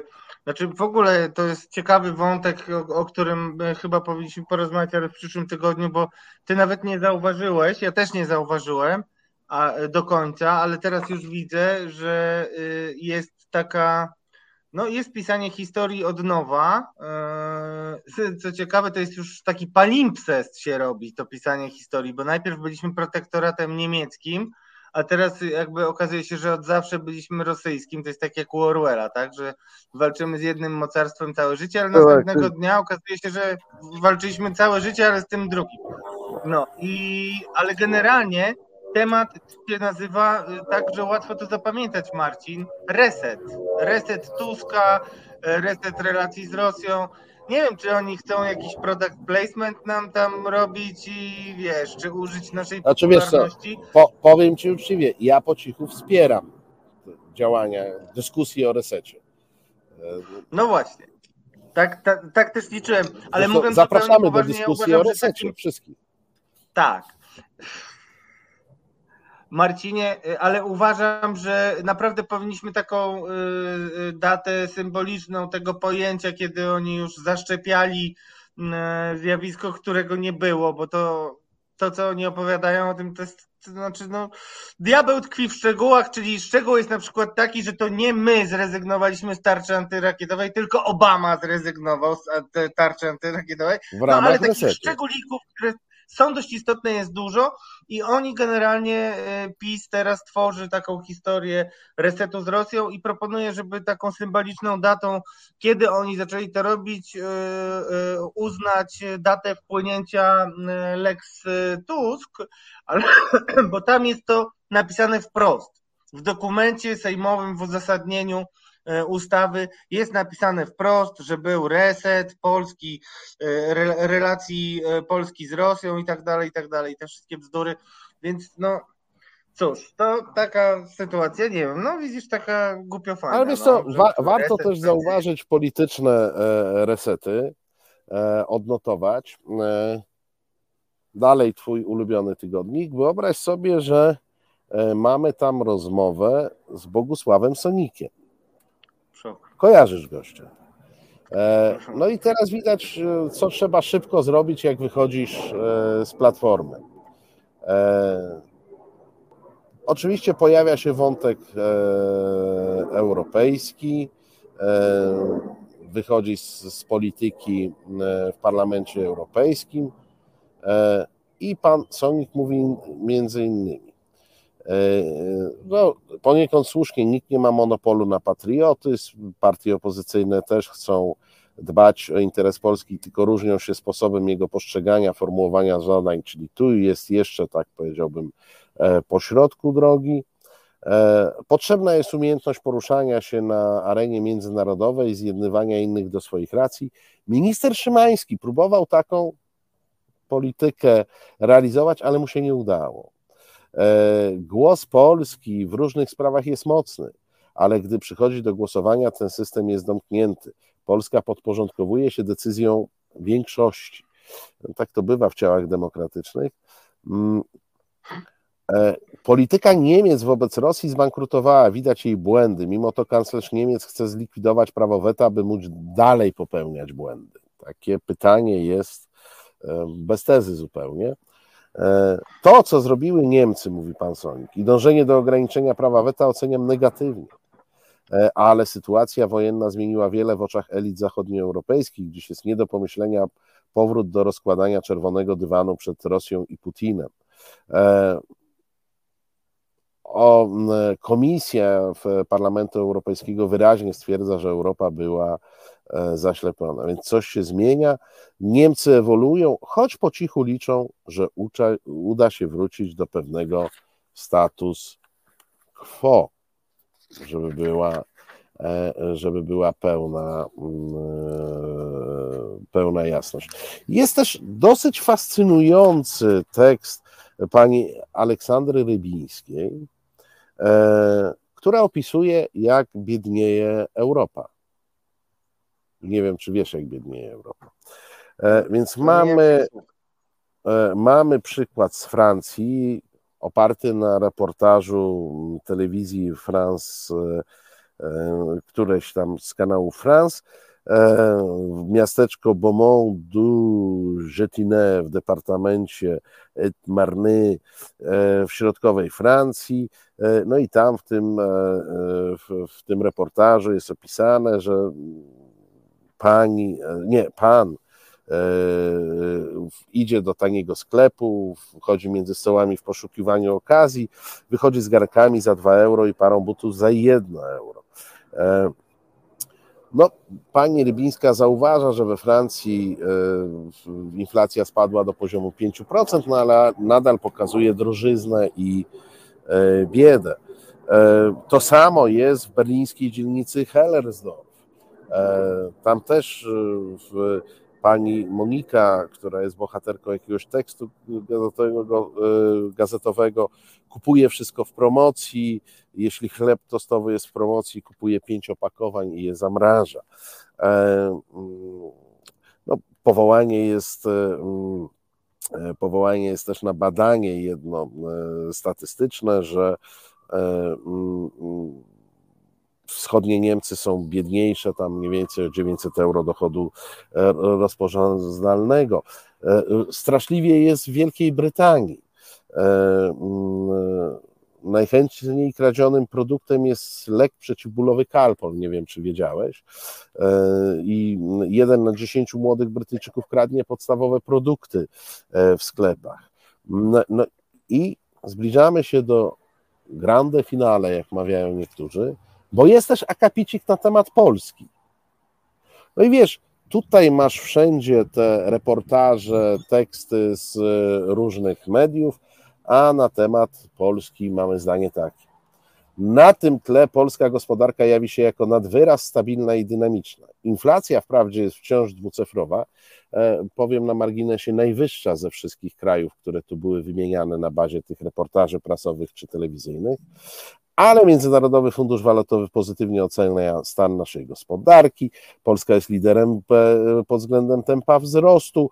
E, według ostatnich danych GUS PKB w Polsce wzrósł o 3,8%. Pod względem tempa wzrostu wyprzedziliśmy państwa Unii i Chiny, e, a jest nadzieja, że do jesieni inflacja spadnie do poziomu jednocyfrowego. W Polsce nikt nie robi reportaży, e, żadne medium, które wskazywałyby na to, że gdzieś są ludzie niezamożni, którzy mają problem z utrzymaniem. No, stary. Tam są reportaże, chodzą do tanich sklepów, a w Polsce jest pięknie. A w Polsce jest pięknie. No nic, tylko uciec z tej cholernej Unii Europejskiej, w której jest ta straszna bieda. E, nie to, co u nas, kiedy mamy, kiedy mamy możliwości no, cieszenia się danymi, które nam poda pan prezes Glapiński. Ale wiesz co, Marcin, chciałem Ci powiedzieć, tak już jakby trochę reasumując, bo ja naprawdę mam wrażenie, że zrobiliśmy kawał wielkiej roboty, y, prowadząc nasz program. I teraz zobacz, E, jak e, to, co mówiła pani profesor e, Renata Minkowska-Norkiena, która zresztą była w jednym z pierwszych naszych programów, gdzie mówiła, jak łatwo jest wyprowadzić Unię z Pol Polskę z Unii. Unię z Polski nie jest na szczęście tak łatwo wyprowadzić. I zobacz, te paździerzowe narracje stają się już tak mocno karykaturalne, że ja dzisiaj patrzę z nadzieją na najbliższe miesiące, bo popatrz, jak y, my mówiliśmy w 2016 roku o Macierewiczu, bardzo mocne rzeczy, rozpoczynając tak naprawdę dyskusję o agentach wpływu, e, którzy przybierają rozmaite maski i uczestniczą w rozmaitych maskirowkach. I wtedy ludzie no, patrzyli albo ze strachem, albo z lękiem, ale generalnie odpychali to od siebie.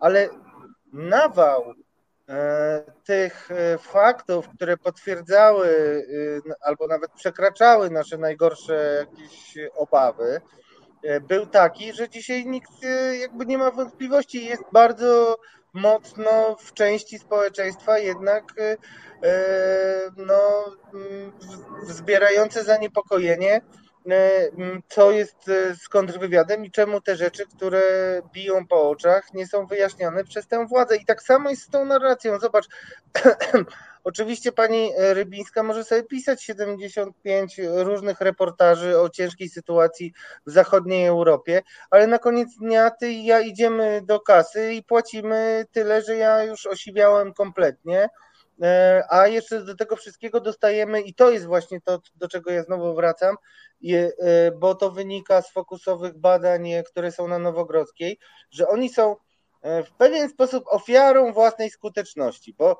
to, co też kiedyś ujawniałem, to oni bardzo się cieszyli z tej kampanii żarówki, bo rzeczywiście wzrosło takie e, kojarzenie wzrostu cen z polityką klimatyczną i z Unią Europejską.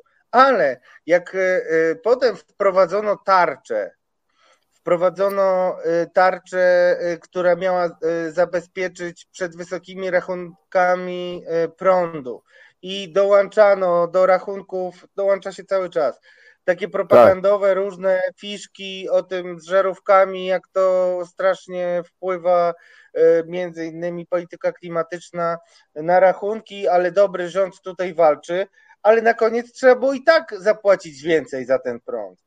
I, i, widzisz, ja ci, i e, chciałem ja ci dopowiem jeszcze, jeszcze jedno. Ja, jako, jako człowiek, e, który widział tę propagandę w poprzednim wydaniu, bo to wszystko już było, nie? To jest, to jest momentami nudne. E, przez całe lata 80. E, propaganda tłumaczyła, jak to w poszczególnych krajach jest źle, najgorzej było w Stanach, e, ale źle było też w, w RFN-ie, źle było we Francji.